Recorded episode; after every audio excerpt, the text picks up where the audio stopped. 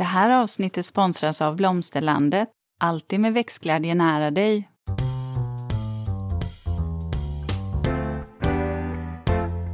Välkommen till Ulrika och Lindas trädgårdspodd. Och det är jag som är Linda Kjellén, trädgårdsmästare. Och det är jag som är Ulrika Levin, trädgårdsdesigner. Och idag är vi faktiskt på besök hemma hos dig, eh, Göran Greider. Mm. Trevligt. Mitt i hettan här. Man är slut och svettig. Till och med i skuggan är det lite ja, tyngande faktiskt. Det är väl 30 plus ja. någonting när vi ja. sitter här. Eh, Man längtar till bilen. Ja, ja, ja faktiskt Asien, Asien där. Men eh, Göran, du är ju författare och, och journalist mm. och vi ska ju faktiskt prata om din bok som du mm. skrev eh, för några uh, år sedan. Mm. I trädgården hörs andra ekon. Och jag vet att det, den titeln har du uh, lånat från en poet.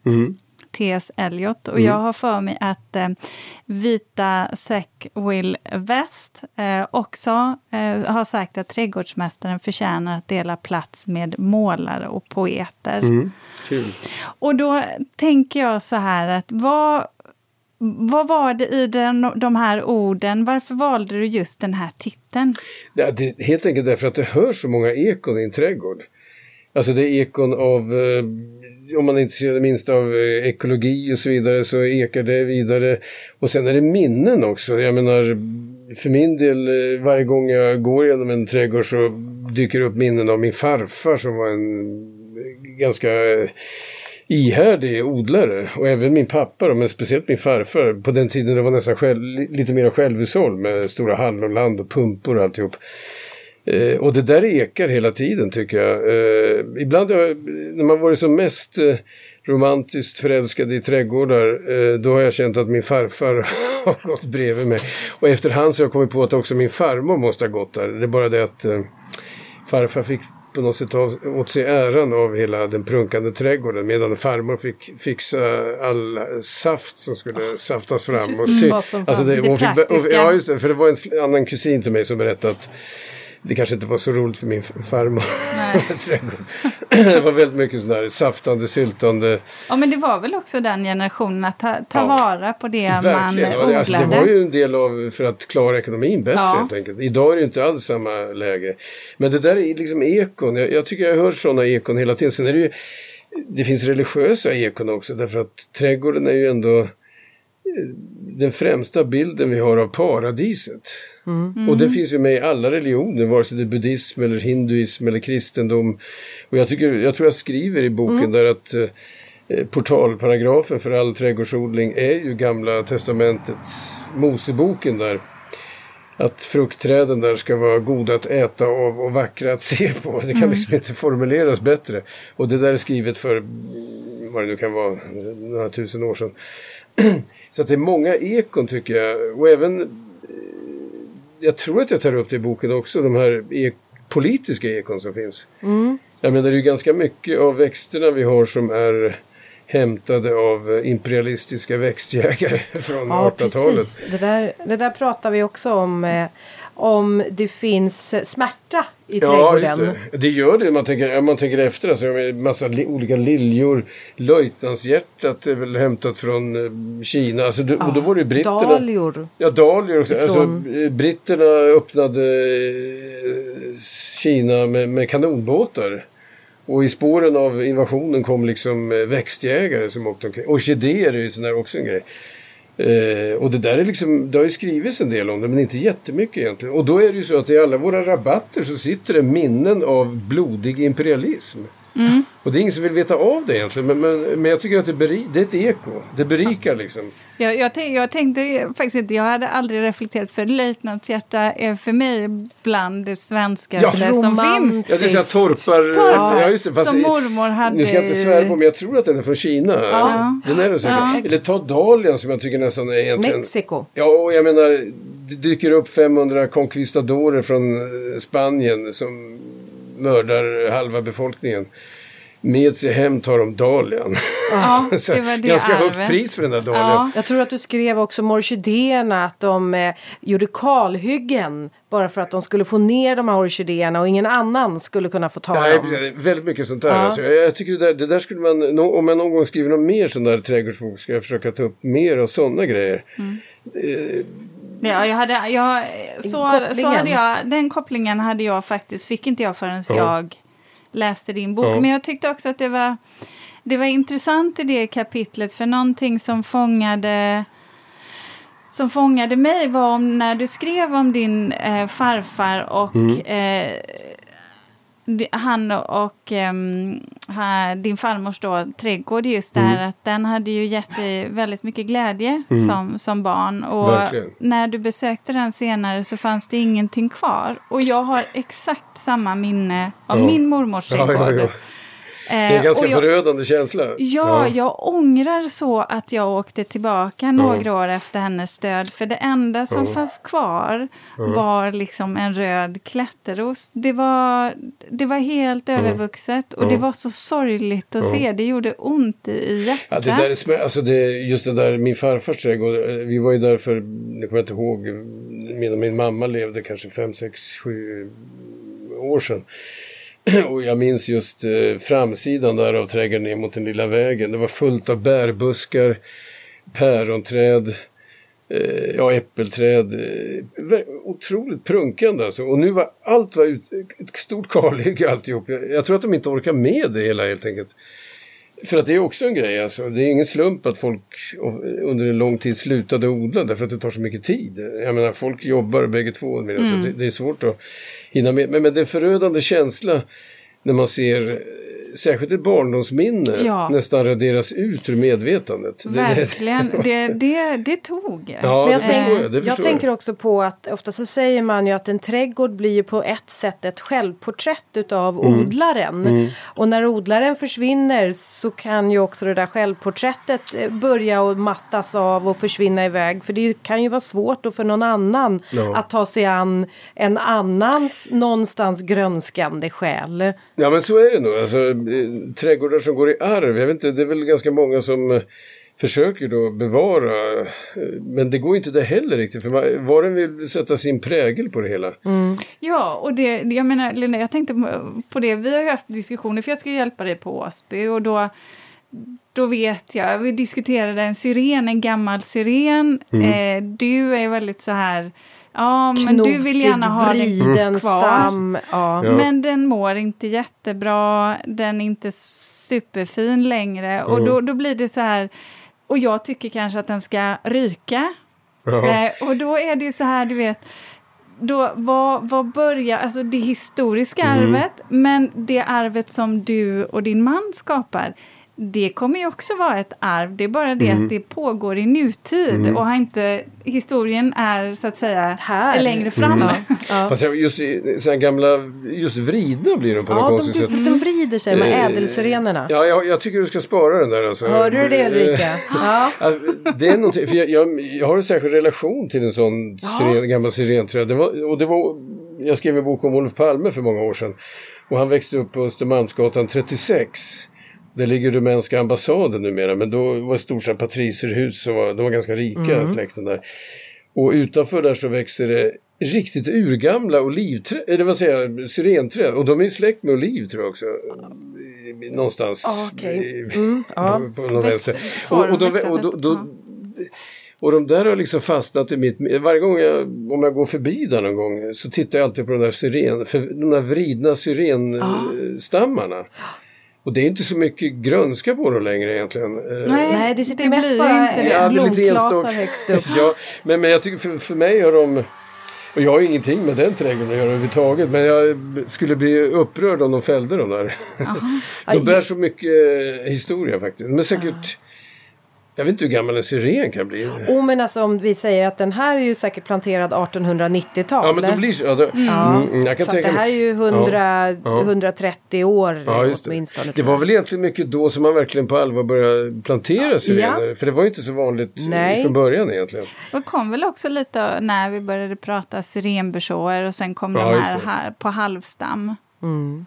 Så ja, de har ja, eh, den, eh, ja. Men ja. som sagt var, beslutet är ju alltid ditt Linda. Ja. Så är det men, ju. Men det är svårt. Det. Vi har en björk på framsidan, en gammal björk som jag, vi är väldigt förtjusta i. Det var nästan därför vi köpte huset från början. Eh, och den är ju liksom, jag kallar den för, ska vi ta kaffe under giljotinen? För jag har en känsla av att den förr eller senare kommer att, det kommer att rasa ner. Den kommer rasa. Ja. Alltså, högsta grenarna är lite så här eh, torra och döda. Eh, men, men, jag skulle ju vilja att vi bara ka vi kapade ner det så att själva stammen och en del blir kvar sådär. Eh, det, det, är ju bra för fåglar och allt möjligt så det är inte dumt av det skälet. Eh, så man bevarar minnet då, så får man väl sätta något annat. Det slutar i alla fall suga upp vad det nu är, tusen liter vatten om dagen så att det går ju att mm. Eh, sätta ett träd bredvid antar jag. Men det där är ju någonting som, som du också tar upp i, i, boken, eller som jag tänkte på just det här som väckte frågan om sorg ryms i trädgården. Mm. För för mig så är trädgård också någonting som bär ett visst vemod mm. i sig. För att det är någonstans en, en saga eller en berättelse om alltings förgänglighet. Så är det. Så vi är det. det går inte att hålla dör. fast någonting. Alltså det, det är det som det vackraste som finns är när fruktträd blommar till exempel. Och det, mm. det är så kort tid. Mm. Men när man väl står under ett blommande äppelträd så då vill man att det ska vara för evigt. Men det varar ju, jag vet inte, vad är det, två veckor som det kan vara blommor där liksom. Eh, och då känner man ju eh, faktiskt det där vemodet. Men, men jag undrar ändå, det med, jag vet att det ibland har varit diskussioner om det här med sorg och trädgård. Jag var på någon vad heter den här? Chelsea Garden Chelsea Flower, Flower Show. Mm. Ja, just det. Eh, och då var det något år där då skulle de försöka få in sorg. Ja. I någon så här, det kanske de har försökt många gånger, men jag kommer ihåg det där. Någon idéträdgård där? Ja, men, men, då försökte de lösa det genom att få in någon slags krigsminne av, av någon mm. ruin eller någonting. och det där kändes inte Alltså det var inte själva det blommande. Veteran, eh, jag tror att jag tror jag vilken trädgård ja, det du var är. Veter... Det är veteraner som... Ja. ja, just det. Det var någonting. Och jag tyckte inte alls att det funkar som... Det är nog förmodligen så att trädgården är själva motsatsen till sorg. Mm. Är det inte så enkelt?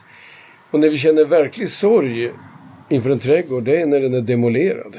Mm. Och jag, tänker så här, jag tänker faktiskt på kriget i Ukraina nu. Det är ja. just det här med, om man kopplar tillbaka till den trädgården på Chelsea, där just det här förstörelsen mm. som ändå blir. Det är inte bara byggnader, mm. människoliv naturligtvis, men även det gröna mm.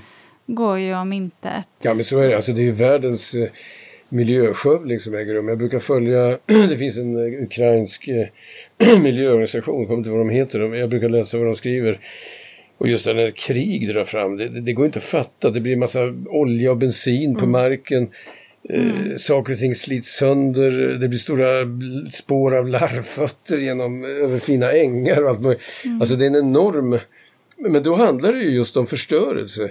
Alltså frågan om man kan hitta något sorg i själva växandet. Mm. De det tror jag inte man kan nämligen, har jag kommit fram till.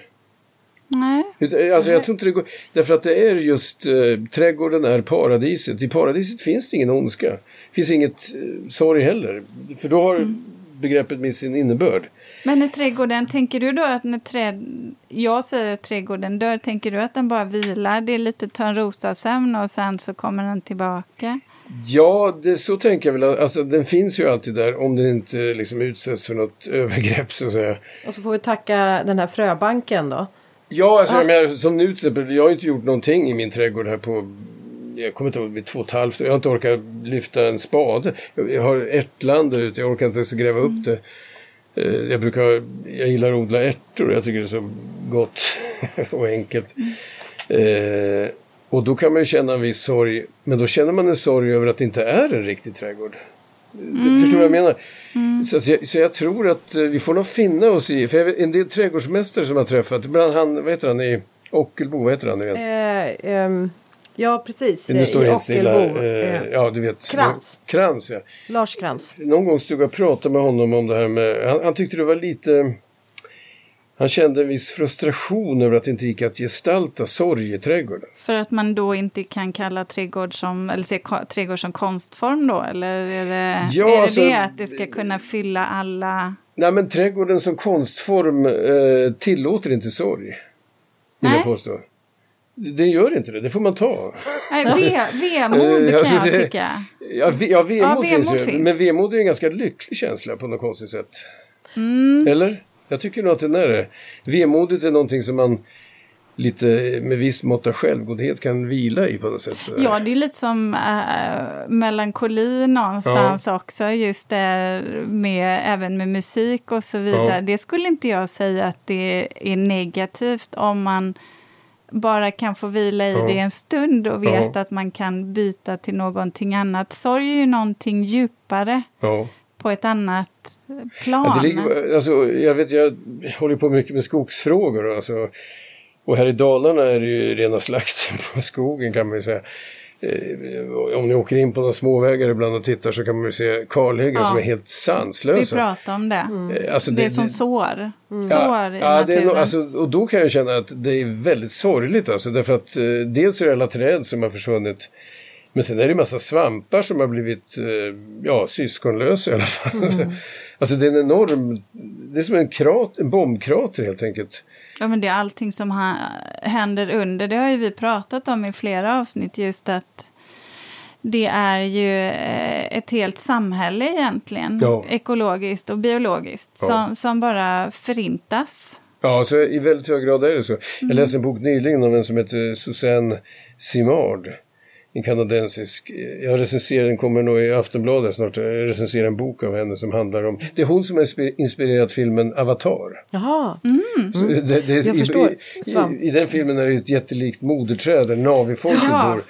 Och det där fälls ju av gruvbolagets militära styrka där liksom. Och när det där trädet faller så är det liksom en värld som faller.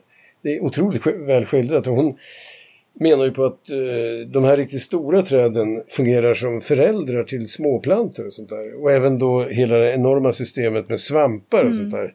Som vi inte ens ser egentligen. Som, mykorrhiza. Ja, ja mykorrhiza som, som eh, transporterar mineraler och kol och allt möjligt mellan eh, de behövande så att säga. och där kan man ju snacka om sorg, när det där trädet faller. Det blir mm. bara ett rykande kalhygge kvar där i filmen alltså. Och det har vi pratat om också, just det här för att, att träd är så fantastiska, att det händer så mycket ja. för dem. Det är varelser som inte kan flytta på sig. De står där de står. Mm. Så de så, har får... ju ja. utvecklat ett fantastiskt ja. sätt ja. att kommunicera och samarbeta för att klara de, av. En del forskare menar på att det är en slags intelligens helt enkelt. Mm. Men jag, men jag tänker på träd så brukar jag tänka att om träd hade fötter då skulle vi höra ett enormt klapper från flyende träd i vår värld just nu. Ja. Fast nu kan Eller inte... så hade vi legat under dem tror jag. Ja, kanske. Ja, rotsystem. Ja, jo, jo. Men vi pratar om sorg i trädgården, eller att trädgården inte innehåller ja. sorg. Men jag vet också att i boken så skriver du att en av trädgårdens viktigaste uppgifter det är att tillåta en att reflektera. Mm. Alltså reflektionen som sker i trädgården. Det tror jag. Alltså det är ju ofta rent bokstavligt att man sätter sig på en stenbänk och eh, inte gör så mycket utan bara sitter där. Eller brukar sitta, jag har så här, de här stora syrenbuskarna. Syren, jag var inne och kände in. Ja, jag brukar sitta, sitta där och läsa och sådär. Och, och det, är, det är ganska roligt för då hör man ju grannarna vad de säger om mig när de går förbi. det, det, är, det, är, ganska roligt. Inside information. Ja, det, de kommer vara tysta ja, nu. Det kan vara mycket där som... nej, men de säger bra saker för det mesta. men, men, men eh, reflektionen och verkligen, det är därför jag, tyck, jag tror att jag skriver den här boken. Det, det är nog ganska stor poäng att eh, de som håller på och odlar och så att man för lite små anteckningar. Det behöver ah. inte vara något märkvärdigt, det kan bara vara när det ena eller det andra slår ut liksom. Och sen eh, om man har gjort så under en hel sommar bort till hösten, eh, sen på vintern kan man titta på det där. Och det är en ganska, för då återupplever man hela den tid som har gått där tycker jag, när man ser de där anteckningarna små, små noteringar. Ja, det kan vara så enkla ja. grejer som att... Du hade vi... hittat också noteringar, eller fått noteringar. Var det från din farfar? Nej, min morfar. Din han morfar var skogshuggare var och jag jobbade på Domänverket. Han skrev, det var ju väldigt rolig liten, han skrev varje år en sån här, vad kallar det, annotationskalender. Ja. Men då skrev han ju bara sådana grejer som att eh, eh, mycket regn idag, mjölkbilen hann inte fram. Slut. Och sen frost står det så här. Eh, 20 maj, idag satte vi vår sista potatis. Men det där är ju, man står och stirrar på de där små anteckningarna och då lever hans tid upp i mig. Ja, det är ett Det står jättelite alltså. Det står, ja. Ja, så temperaturen och sådär står men väldigt lite alltså. Men det är nästan bättre att det står lite, skulle ja. jag påstå. För då blir det mer utrymme för, för ens egen eh, fantasi. Och sen också att det står lite sakligt. Väldigt sakligt. Väldigt sakligt ja. också. Jag hade, ett tag var förman, jag tror det var baltiska flyktingar som kom och då står det delade ut yxor till eh, letterna idag. Så, här, så står det inget mer. så, alltså för de skulle jobba i skogen. eh, nej men det där tror jag fler borde göra, alltså skriva ner små saker. Men du, tror du, ärver man ett trädgårdsintresse? Det tror jag nog, alltså det har förvånat mig, men jag tror att det är så att väldigt många som håller på med trädgård har, speciellt någon farmor eller någonting, ofta är det ett led som hoppas över där, men, men eh, någon farmor eller farfar eller morfar som har hållit på med på något sätt. Va? Eh, och i mitt fall var det både min pappa, han var ju ganska skicklig på att hålla på med, i Vingåker där, bra växtzon också. Ja. Eh, så, så folk stannar ju ofta till vi hade väldigt fin trädgård där. Det tänkte man inte på då egentligen. Man var lite barn. Det bryr man sig inte om. Var det en villaträdgård? Ja, en, villa, en helt vanlig villaträdgård. Men han hade väldigt fina eh, ja, buskar och fruktträd. Och sen hade han lite mystiska former i trädgården. Så här. Jag kommer inte ihåg. Jag önskar att jag hade att han hade filmat alltihop så man kunde se det. Återskapar du den här i din egen ja, trädgård? På något sätt så... Eh, alltså det, jag gillar ju det här med... Jag har den där stora Sunken Garden där. Eh, och det, det, skulle bli en damm från början. Men, men eh, när jag läste om alla säkerhetsföreskrifter mm. så, så tänkte jag nej, det här vågar inte jag hålla på. nej. om det skulle dratta mm. in unge. Ja, Gud, jag skulle precis. aldrig kunna förlåta mig själv. Både Boverket och polisen kan ha åsikter om ja, det. Ja, och med all rätt alltså, får jag ja. säga. För det där med dammar är ju inte... Dessutom, till och med de här regntunnorna. Jag tror jag den varma sommaren så jag hittade två ekorrar. Oh. Och sånt där är tråkigt alltså. Mm. Jag borde, alltså, jag ska sätta över hönsnät men det blir aldrig av. Jag är en sån här som på vintern så har jag lite så här julkurser i mitt ja. växthus. Och så ställer jag ner då växter för att vattna växter i hinkar och sen mm. så och sen det sista jag gör på kvällen innan jag går därifrån det är att ställa ner en granruska i hinken. Smart. Om det kommer då en liten mus, alltså, ja, och ändå är ju möss sådana som många kanske vill ta ja, men de är väldigt söta, skogs... De är söta. Ja, de är väldigt söta verkligen. Ja, så men, att de får klamra sig upp. Men Linda, jag tänkte på vad vem har du ärvt ditt trädgårdsintresse av? Ja, men jag, det kommer inte från min mamma. Det, jag har hoppat mm. över ett led. Det är från min farmor och min mormor. Min farmor hon odlade mera nyttoträdgården. Mm. Mm. Det skulle vara odlingsland och vi skulle skörda ja, och det var ätbart. Och min farmor, eller min mormor, hon odlade ju mer konstnärligt och mycket mm. mera det här eh, med färger och former, att mm. hon lekte med det. Så att jag har mm. nog fått bådas deras, men intresset för trädgård vaknade ju sent hos mig. Det är ungefär som mm. det där lilla fröet som ligger där mm. inne och väntar bara på att de rätta betingelserna ja. ska komma. Ja. Och det gjorde den ju då när jag var drygt 35. Ja. Då var de rätta betingelserna för Jag trodde ens att du håller på sedan eh, barnsben. Och, nej. nej. Jag har ju haft mina, de här runt omkring mig. Ja, just det, just och sen har jag ju alltid, min pappa har varit väldigt eh, eh, naturintresserad. Mm. Så han har ju, allt, allt vi har gjort på våra semestrar, det har ju varit ute i den svenska naturen. Så att mm. det har ju aldrig varit eh, för mig en främmande plats att vistas på utan ja, en väldigt bekant plats. Ja. Men sen då att plocka in då det mera prydnadsträdgården i det odlade ja, det. som jag fick då för min farmor. Och Oj, du Ulrika? Jag funderade på den frågan och insåg att ja, jag har en mamma som var väldigt odlingsintresserad och en pappa som har eh, eh, ja, men, tyckt om att ha det fint i trädgården. Eh, tagit den delen då. Eh, mm. Men jag vet inte, för mig så handlar det ju mer om en estetik, tror jag, eller snarare att jag ehm, att det väcker naturen och trädgården väcker sådana känslor hos mig. Mm, det är mm. där jag känner att jag oftast får, får en stämning mm. som gör att min fantasi kan väva små historier och eh, sväva iväg. Och det kommer jag, det är väldigt tydliga minnen av hur jag både i trädgården och i naturen kunde se om du vet de här eh, krinolinerna, eh, mm. kvinnorna och männen spatserar mm, genom de här alléerna och ja. alltså bygga små världar. Och det är mm. nog snarare det, jag går mycket, mycket på känsla och atmosfär. Mm. En inre eh, betraktelse när det kommer till trädgård snarare än att jag mm. kanske ärvde det här intresset för mm. odling. För det har jag ju egentligen, att odla grönsaker och så, mm. det har jag ju börjat med, med på senare år. Just av den anledningen mm. som du sa Göran, att det är tidskrävande. Ja det är ändå ganska mycket, om man verkligen ska på, det är därför inte jag kunde, jag brukar ha mer av sådana ärtor och bönor och så hålla på. Men, men, men eh, eh det tar tid, allting sånt där tar tid. Ja. Alltså. Dessutom just här är det ganska roligt därför att jag behöver bara gå över gärdsgården här så kan jag dra upp mycket potatis jag vill. Ja. Morötter, alla slags grönsaker. Han åkte förbi nyss i trakten ja. här om ni hörde. Ja.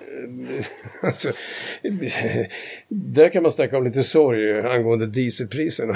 Ja, det, det ganska, påverkar. Ganska Men du, tufft. jag fastnar för en mening i boken och den går så här. Trädgården absorberar men också utsöndrar tid.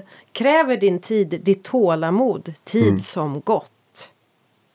Ja, det blir ju ändå mycket, jag menar, eh, det, det, handlar mycket om tid. Alltså man kan ju inte bara plantera en liten växt där och sen säga väx. Eh, man får vänta helt enkelt. Och det där är ganska... Eh, ja, det, det, är ändå så, tålamod är någonting, det är en egenskap hos alla som intresserar sig för att odla någonting. Mm. Och det är ju väldigt bra för oss. Hur utsöndrar en tid då? Om du förklarar det. Ja, jag undrar ja, det... vad jag skrivit där egentligen. ja. Men det måste vara någon tes om att Nej men det gör det ju därför att den ger minnen alltså. Mm. Man minns när kanske något visst år. Ja, tid som eh, gått. Ja, jag minns här borta var det så här, jag hade en så här jättehög, vad heter det, Summer Snow eller vad den heter. Ja, just det, klimatis. Mm, klimatis. Och sen av någon orsak mm. dog den här. Eh, och då minns man, ja 2017, då var det fantastiskt med den där eh, Summer Snow. Var är den nu liksom? T ja. Tiden har gått. Ja. det där tror jag många går och tänker på att saker och ting man minns vad som växte. Men, men det tror jag, för att jag tänker dels historiens vingslag om vi pratar riktigt gamla vedartade växter som träd ja. som, även, som faktiskt lever betydligt längre än en mansålder. Men också... Ja, tänk, syrenen som du nämnde ja, förut. Eller och som, jag, ja, och jag tänker på det här med, med också när man har, eh, när jag kommit till eh, trädgårds, alltså nyblivna trädgårdsägare och de mm ska skapa sin trädgård så har man ändå som sagt vad de kan se Vips har 15 år gått och så, ja mm. men då flyttar de in och det här trädet var litet när, när deras barn var små. Ja, nu är det någonting helt mm. annat, det är en helt annan trädgård mm. efter 15 år. Efter 50 år, ja, det blir, det, det då var, är det ännu ja. mer. Ja, men alltså, det första äppelträdet jag satt där, det är ett Säftaholmsäpple och det tror jag väl jag skriver om också. Då. Och det beror ju mycket på att det är från Vingåker, det är bokstavligt från Vingåker från Säftaholms slott där. Eh, och det är inte några speciellt roliga äpplen egentligen kan man säga. Men de är väldigt härdiga tydligen. Eh, krigsvintrarna 1940 så överlevde Säftaholmsträden oh, ofta medan andra dog ut och så här. Eh, men jag tyckte det var självklart att jag skulle sätta någonting som... Jag tror jag nämner det där just att eh, varje gång jag är i Vingåker, det är inte så ofta numera, så vill jag gärna gå och titta på det där gamla moderträdet som står där med uppallat. Mm. Med rullator brukar jag säga. För det är liksom verkligen så här. Men det bär frukt faktiskt. Ja. Moderträd, och då är det ju verkligen tid. Alltså, jag vet inte när de kom på den där sorten. Det måste vara 1840 eller någonting. Ja, jag vet inte heller. Ja, någonting sånt där. Mm. Eh, och då är det ju tid ackumulerad i det där säftaholmsträdet som står där. Liksom. Jag tycker det där är, då utsöndrar det ju tid faktiskt. Mm. Det måste man ju säga.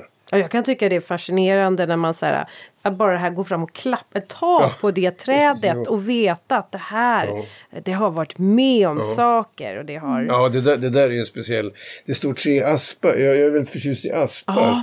Det har man väl inte så mycket i trädgård men, men, men eh, det är en stor, jättefin... Nej, helst inte. Nej, jag, det blir lite sly Jag har faktiskt satt en asp här som, eh, jag vet inte, jag kan inte låta bli, eh, som växer där borta. Eh, men det är en aspdung här borta på andra sidan åkern. Och det är otroligt fågelliv där. Jag, gått upp, jag och min hund brukar gå där.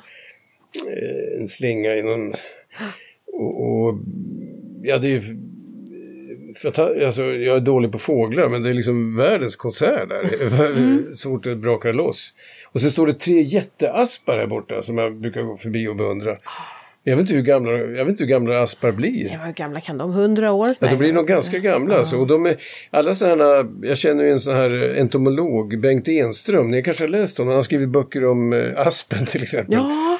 Och även om säljen, eh, naturens ah. första frukost. Eh, han bor ju här uppe i Nås. Honom skulle ni... Han har ju en trädgård som är väldigt lustig för att den består av små rutor. Han är ju forskare. Bara... Du ser självporträttet där. ja, det är bara små rutor. Alltså, så här, där har vi där, där, så här, väldigt noga alltihop. Men han är fantastisk. Eh, honom skulle snacka med, med honom skulle snacka om granborgsbär. Ah, Eller, granbarksborren. Ah. Han, han är inte negativ till dem. Han är inte det? Nej, han har en bra förklaring till Alltså det är de här planterade skogarna som har orsakat eländet. Ja, men det är monokulturen. Ja, det är det mm. faktiskt. Därför att äh, i en normal skog så har granbarksborren fiender liksom, mm. som till slut äter upp dem. Nu vet jag inte hur vi kommer in på det där, men... men, men ja, just det var aspen. Ja, ja, det var aspen. Alltså, det, det, är ju väldigt... Eh, det finns ju några få ekar här i byn också. Alltså eken går ju inte riktigt... Den går ungefär hit och sen inte så mycket längre upp. I Borlänge finns det väl en hel del ekar tror jag. Men det står några ekar där borta. Jag har varit på Källslätten. Nej, det kanske inte är en ek på Källslätten. Källslätten? Ja, var ligger det? Ja, det ligger ju... Ehm, ja, eh, var det ligger ja. någonstans. Men alltså det ligger ju här i Dalarna. Men det är en mm. fantastisk... Men det kanske inte... Jo, men är det inte en ek? Utanför Falun? Mm. Jo, men det kan... Jo, sen finns det väl möjligtvis i den här silurringen i Leksand, där den här stora asteroiden slog ner en gång i tiden. Så är det ju ganska bra växt. Ja. Men ekar, de är ju roliga när man väl får syn på de här liksom. Men det, ask ja. är också sån här, jag har en ask som växer väldigt långsamt. Men, men... Ja, ja, precis. Det känns verkligen på gränsen där. För ja, det är på gränsen. Ja, bok faktiskt. Ja, det såg jag ja, Det är lite kul att den har... Det, för det, det måste ju ändå vara bland de nordligaste ja, bokarna. Jag tror det. Ja, det, det är inte så... Jag tog en liten lite skott nere på Ellen Kates gård där nere vid Vättern. Ja, så, så här. Strand. Så, strand, ja just det. Och på 15 år så har det ju vuxit en och en halv meter, men inte mer. Linda, visst är vi stolta över att ha en sponsor till dagens avsnitt? Ja, och det är Blomsterlandet. En trädgårdsbutik nära dig med butiker över hela landet och en e-handel som är öppen dygnet runt. Välkommen! Men det där med tid är ju ändå intressant för att det jag tänker på när jag, när jag gör, ja självklart privata trädgårdar men nu när jag är involverad i ett större projekt som jag vet att där, där har det oftast ett helt annat tidsperspektiv. Mm. Och, och, där ska saker och ting stå eh, forever. Ja, alltså så länge som, som det bara går och det är en succession och det ska ja. ske saker och ting. Du tänker där. på runt slott och herrgårdar? Exakt, ja, lite där så här större. Annan, där, det... där är det ju någonting som är annorlunda. Man kan prata hus, byggnader, inredning men när du kommer till trädgård så handlar det ju om och landskapsarkitektur så handlar det om att forma forma ett landskap, mm. en, en, mm. landskapsbild ibland. Mm. Eh, då, om vi pratar prestation som vi gjorde innan vi började podda. Eh, jag, mm. Vi pratade lite om, med mm. dig Göran om, om det var svårt att, gå, att vara författare kontra poet. Ja, ja, eh, men där kan ju jag ibland fastna i just det där att man känner att det vilar ett ansvar mm. också. Det är inte bara att skapa utan det här är verkligen någonting som, som kommer överleva mig. Ja, du kan inte gå in som en eh, hypermodernistisk arkitekt och riva rubbet och sen bygga något helt nytt. Nej. Riktigt. Nej, det, det kan man väl göra i och för sig, mm. men, men det skulle uppfattas som direkt stötande tror jag för väldigt många.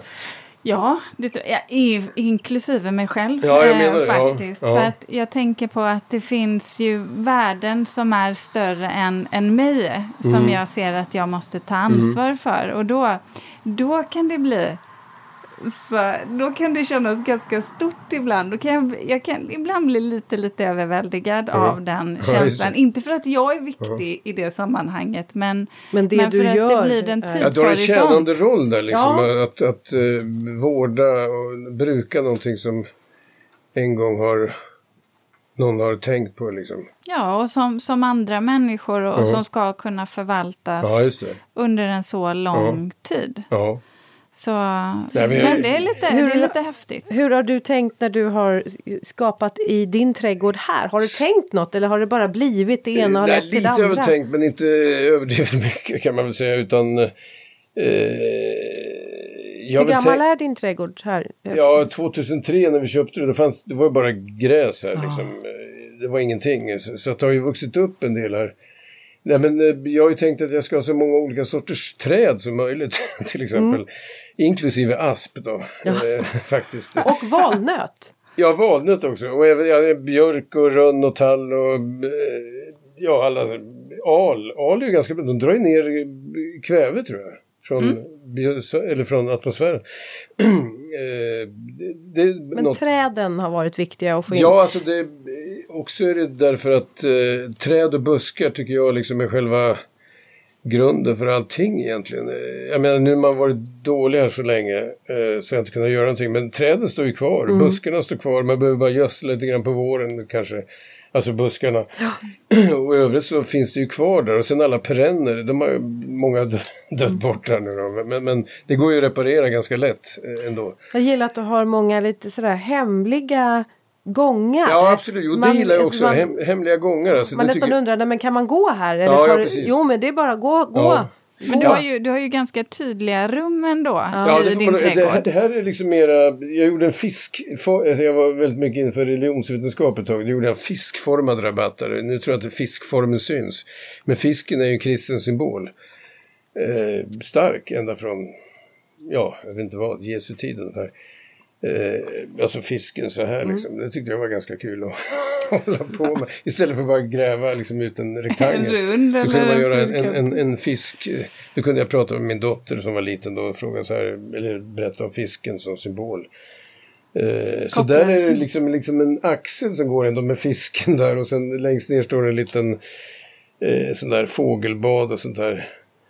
Eh, så det ser lite olika, mm. olika jag, men jag, jag är väldigt förtjust i den där gropen där, eller gropen, vi kallar det för gropen, men eh, Sunken Garden. Eh, man mm. sitter i skydd från insyn där. Men är det lite engelskt inspirerat? Alltså har du, har du plöjt ganska mycket litteratur? Ja, det har jag gjort alltså. Eh, vad heter hon nu då som jag älskar så mycket? Nu hör jag hon heter skrivit om trädgårdens historia från Egypten. Eh, Inte Penelope jo, Hobhouse? Penelope ah. Hobhouse. Mm. Jag tycker det är fantastiska böcker. Jag har bara läst, jag vet inte, kanske har gett massor av böcker. Men, ja, det har hon gjort. ja, det har säkert gjort. Men det, det, var några böcker som jag eh, slet ut ordentligt där. Jag, eh, det var väldigt fascinerande böcker. Så att jag, man, jag har ju läst ganska mycket eh, jag, jag, tycker att en av de roliga sakerna med att hålla på lite med trädgård, det är att man eh, lär känna en litteratur också om trädgård. Mm. Och det, det, är ju ganska, det finns ju, jag menar, man kan läsa Iliaden och Odysseen som trädgårdsskildringar här och var. Faktiskt. Ja, det är det... aldrig någon som gör, alltså det, det och, och, även de religiösa skrifterna är fulla av trädgårdsskildringar egentligen. Nej, nej, I Koranen, ska... ja. Koranen, den är ju Eh, visserligen tjatas det ganska mycket i Koranen om eh, hur det ser ut i paradis. Alltså det är väldigt tjat kan jag säga. eh, just att eh, vatt, ja, det, det är Edens lustgård i princip. Men det dyker upp hela tiden, trädgårdstemat. Ja, om man tänker på de här kulturerna egentligen som finns, jag menar italiensk barock, ja. vi, vi har renässans, vi har eh, det iranska, ja, det. det. persiska, ja. eh, idealt, alltså det, det finns... Mm. Det, alltså det persiska är ju verkligen ganska mycket grund. Alltså, ja, ordet paradis och, betyder ja. ju inhägnat område eller sånt där. Vilket mm. är, när man börjar tänka på det, jaha, det, det, det är liksom grindar kring paradiset. det är ganska oh, lustigt att tänka på. Uh, men det måste det nog vara med tanke på alla vildsvin som finns och, och lite annat. Uh, Eh, nej men det där är kul alltså att man eh, kan eh, fördjupa sig i litteratur. Då. Men vad, vad, skulle du säga, vad är det med trädgården och naturen som gör just att både författare och poeter så gärna skriver om den? Ja, det är en bra fråga alltså, men eh, trädgården är ju ändå överblickbar samtidigt som trädgården, trädgården själv alltid blickar ut mot den större naturen. Jag menar för mig är det så att eh, här är trädgården och sen bara några meter bort så är det en äng där. Man vet aldrig vad som dyker upp på ängen. Det kan vara olika varje år nästan. Mm. Och sen går man eh, några hundra meter över åkern så är man inne i aspdungen och då går det liksom steg för steg rör man sig ut i i annan natur så kommer man till slut till kalhygge förstås. Men, Men det ingår... måste vara också att trädgården väcker idéer och tankar och frågor. Ja, det gör det ju faktiskt. Och får igång ja, det kreativa. Jag, det, jag tror att det är ganska mycket eh, Alltså just den här, eh, ja vi kan kalla det för en religiös klangbotten i trädgården som finns där faktiskt. Alltså det kan jag säga utan att vara, jag, menar, jag, jag är inte särskilt eh, kyrklig eller sånt där egentligen. Jag gillar ju kyrkor men det finns en sån klangbotten tror jag. Jag tror alla känner det. Eh, och det där, just det här med... Eh, och det tror jag jag skrev en dikt om det där. Den kanske är med där, jag kommer inte ihåg. Nej, den är det nog inte kanske. Men, men när man träffar flyktingar som kom från eh, Syrien under värsta tiden där så kunde de ibland berätta om trädgårdar som de var tvungna att lämna. Mm. Och då blev det liksom nästan en eh, religiositet i beskrivningen av de där trädgårdarna. Ofta eh, omgärdade av vita tegelmurar och så här. Eh, det finns en slags religiositet i alltså rörträdgård tror jag. Trädgård är religion på ett sätt? Eller ja, ja det en, hänger, en tro? Någonstans eh, har det där med varandra att göra. Och det är ju bokstavligen så i Bibeln också. Mm. Skildringen av Edens lustgård. Jag, men jag tänker också på att, att en trädgård är verkligen någonting som man betraktar som kan ändra perspektiv också. Du kan sitta på samma plats men det kommer inte se likadant ut om det är sommar kontra Nej. om det är vinter. Nej. Så inte det ens ändå... nästa år trots att det är samma plant. Precis. ja. eh, så att jag tror också att det handlar om om det där utifrån. Det föränderliga. Ja, och sen kanske mm. som författare och poet att, att titta och betrakta mm. någonting, att uttrycka sig mm. i ord Mm. Eh, men också få med det inre. För vi pratar ju om det just, och jag tror att det handlar om dofter också. Det här med mm. minnet. Alltså, vi sa ju det att doftcentret sitter ju väldigt nära vårt minnescentra ja, i hjärnan. Det, det är ju väldigt, ja. väldigt eh, bara en synaps ja. emellan eller någonting sånt. Ja, men det börjar alltså redan när häggen och sen syrenen blommar där i försommaren. Det är som en drog som silas ut över Ja men man vill ju inte gå inne. Så är det ju. Nej, jag det är verkligen, jag vill, jag vill vara ute hela ja, det är så tiden. Jättekonstigt, alltså det, det, är lite så här drogkänsla. Eh, som sätter igång en massa minnen eh, från barndomen förmodligen. Eh, och kanske ännu äldre, arkaiska minnen, vem vet. Oh. Eh, det är eufori där helt plötsligt. Ja. Och, just den här känslan av, kan jag tycka att, att jag känner det så starkt, den här längtan. Det är det här jag har gått och längtat efter så många månader. Och så kommer det. Och så är man jätteglad. Och det, det blir lite, alltså på nordliga breddgrader blir nog den känslan mycket starkare än det kring Medelhavet. För där går det ju liksom bara, eller för att inte tala om, jag har aldrig varit i tropikerna, men där det liksom bara går runt, runt hela tiden. Där växer ju allting konstant. Ja, det, det, är en helt annan ja. grej. Där, ja. är det, där är det liksom bekämpning, där tar växterna över om man inte håller efter dem. Ja, nej, och här är det liksom eh, en lång eh, träda liksom. Är det därför vi har ja. lite vemodet i oss? Ja, jo, nej, men det... Är det det, vi nordbor? Ja. ja, men det kulminerar ju runt midsommar då, ja. hela vemodet. Sen går det nytt. Ja, ja, precis. Och nu, börjar, nu har det varit torrt ett bra tag och gräsmattorna blir gula och sånt där. Men eh, Eh, det ska väl börja regna snart tror jag. Om inte annat än åskskur kanske. Ja, en liten fin åskknall. Du, eh, begonior. Du har en ja. hel samling av begonior ja, här. Eh, jag är lite... De fick stå... Det dröjde länge innan de kom ut ja. på grund av... Mina dagar har varit så jävla söndertrasade av läkarbesök hela tiden. Så de har blivit de bruk, jag har för mig att de brukar, jag för mig förra året att de blommade vid det här laget. Ja, du har ju en som blommar där ja, borta. Ja, fast det är dåligt där. Men, men de där, nu kommer jag inte ihåg vad de heter. De blir jättefina vita blommor på de där. Ja. Eh, jag, jag, älskar ju verkn begonia. Där står det också en sån där Ja, den begonia. var ju pampig. Det där är ju ganska, det är ju skott från Sara Lidmans hem. Ah. Eh, alltså det är massor av folk som har den där. Sara Lidman. Jag fick Sara Lidman-priset i år faktiskt. Inte oh. på grund av begonian men i alla fall. Grattis. Vad var det för stug... Nej? Vad, vad? vad fick du det priset för? Ja, för författarskapet på något ja. sätt. Jag vet inte ja, vad roligt. Grattis! Ja, jag, jag, jag kommer inte ihåg eh, exakt hur motiveringen var, men, men i alla fall så kommer så det där är en direkt eh, då, länk till henne? Ja, jag tyckte det var ganska kul alltså. Det, det, jag var på någon eh, författar eller någon sån här festival någonstans och då fick jag ett skott där och, och så hemma i Årsta har vi någon som är nästan tre meter hög. Oj, ja. Den blir otrolig de där räkarna. Eh, heter de inte änglavinge? Eller? Jo, Ängla, det ja. kan de heta. Kan de heta det? Ja, ja. det kan det heta. Eh, de här kommer jag inte ihåg vad de heter nu. Jag har, de, lapparna försvinner alltid. Ja. Men, är de gamla? eh, ja, de här är ju, håller på med i tre, det, det är säkert tre, fjärde året som Ja, de här begonierna de är ganska högresta. De kan de vara en 40 centimeter, 50 ja, centimeter höga. Ja, de är ganska ynkliga får jag lov att säga. Ja. de brukar vara mycket, mycket mer frodiga. Ja. Men jag tror att de Eh, de stod i en lägenhet för länge. Kom inte ut riktigt. Nej, så, så kan det vara. Du ser, man vill ut i, ja, i paradiset. Alla, alla, alla vill ut. Men jag alla hoppas de kan... Jag vet inte om man ska klippa ner någon lite grann kanske. Får ta nya skott. Mm. Ja, jo, Men jo. någonting det... som jag har tänkt på. för att när jag läste boken så insåg jag att du, Göran, verkligen är intresserad av trädgård. Ett genuint ja, absolut, intresse. Absolut. Och du är man. Ja, ja precis. Ja, just det. Och, och, vi har ju pratat lite om det, Linda, för att du gör ju många föreläsningar och kurser och, och, för dig så är det ju eh, oftast en kvinnlig publik mm. och, och deltagare. Hos mig har det alltid varit 50-50, men det är ju kanske också för jag har en roll som designer och arkitekt. Mm. Mm. Där handlar det ju om att någonting ska förändras. Det är oftast ganska stora belopp som är involverade. Ja, eh, Mm. Däremot att börjar vi prata växter, alltså odling, blommor, då kan jag säga att de allra flesta gånger så backar männen tillbaka mm. och säger att nej, nej.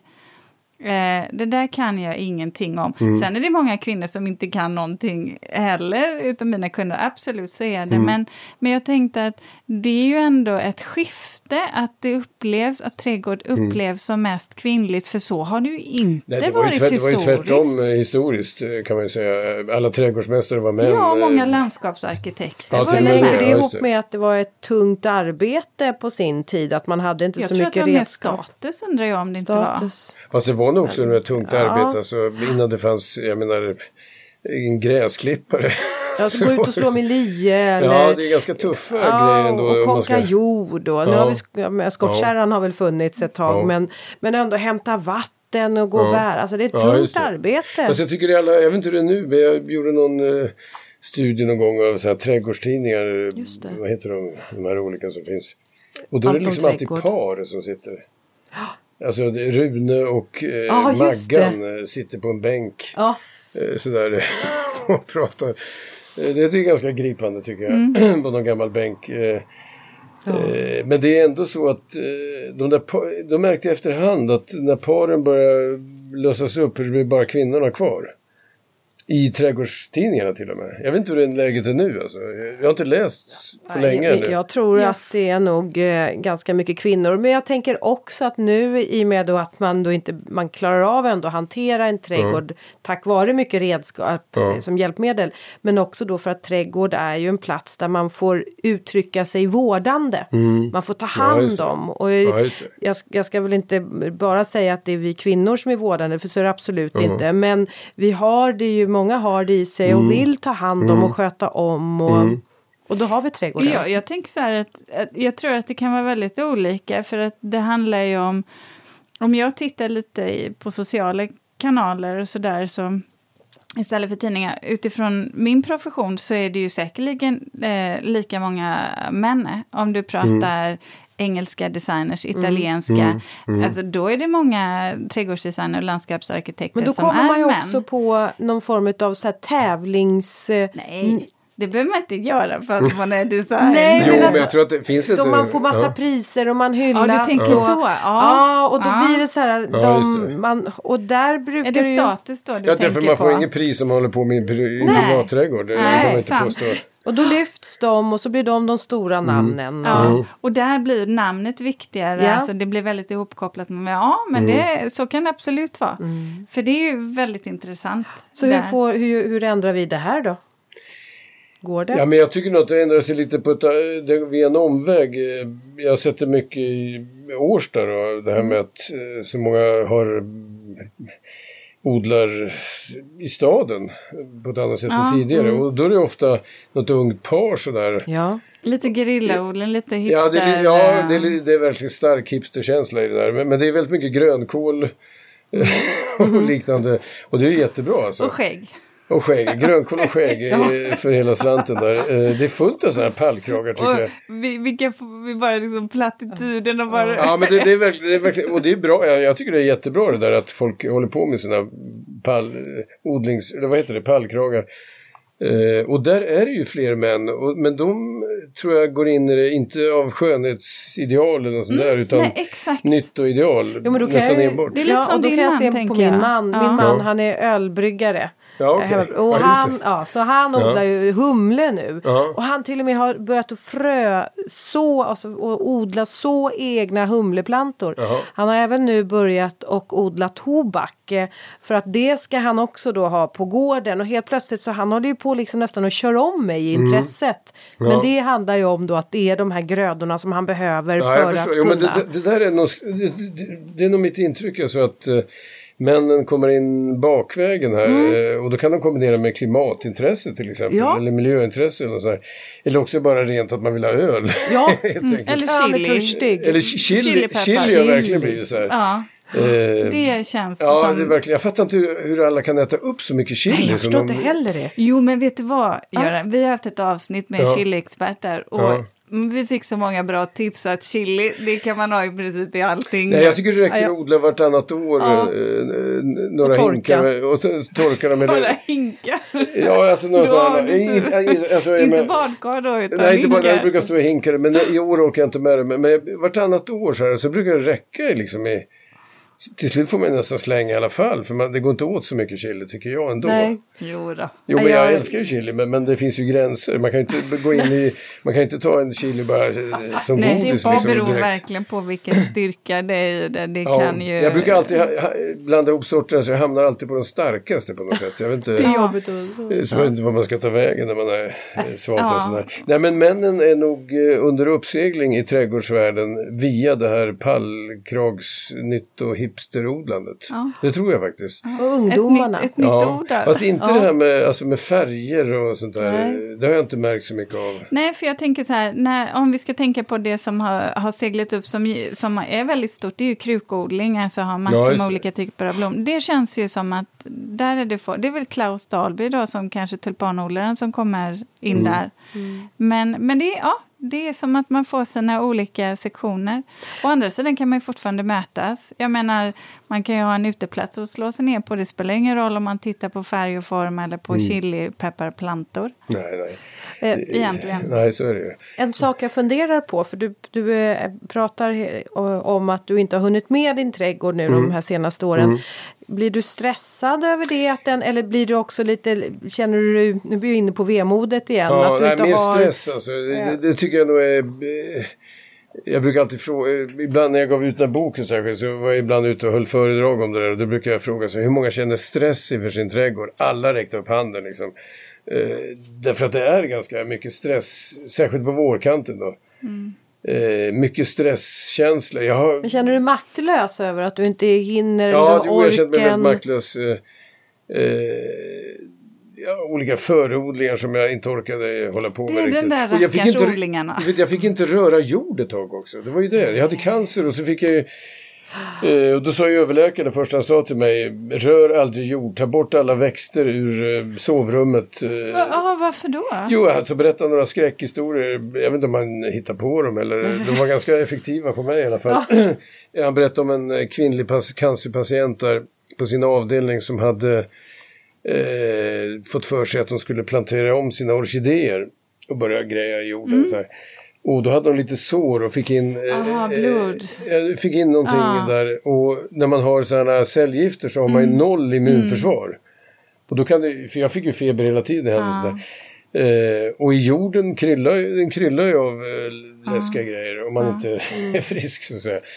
Så att under lång tid, vad var det, förra året, då bad jag några kompisar trycka ner lite bondbönor här så jag skulle få någonting. För jag ville inte ens röra jorden där. Så, och det där tyckte jag var en konstig känsla. Konstigt, då, då blev du trädgården som ändå var din, eh, din plats. Ja, det kunde jag liksom din inte riktigt... vän ja, blev nästan den som kunde hota dig. Ja, alltså, jag tyckte det där var lite eh, obehagligt alltså faktiskt. Men det är det där med bakterier.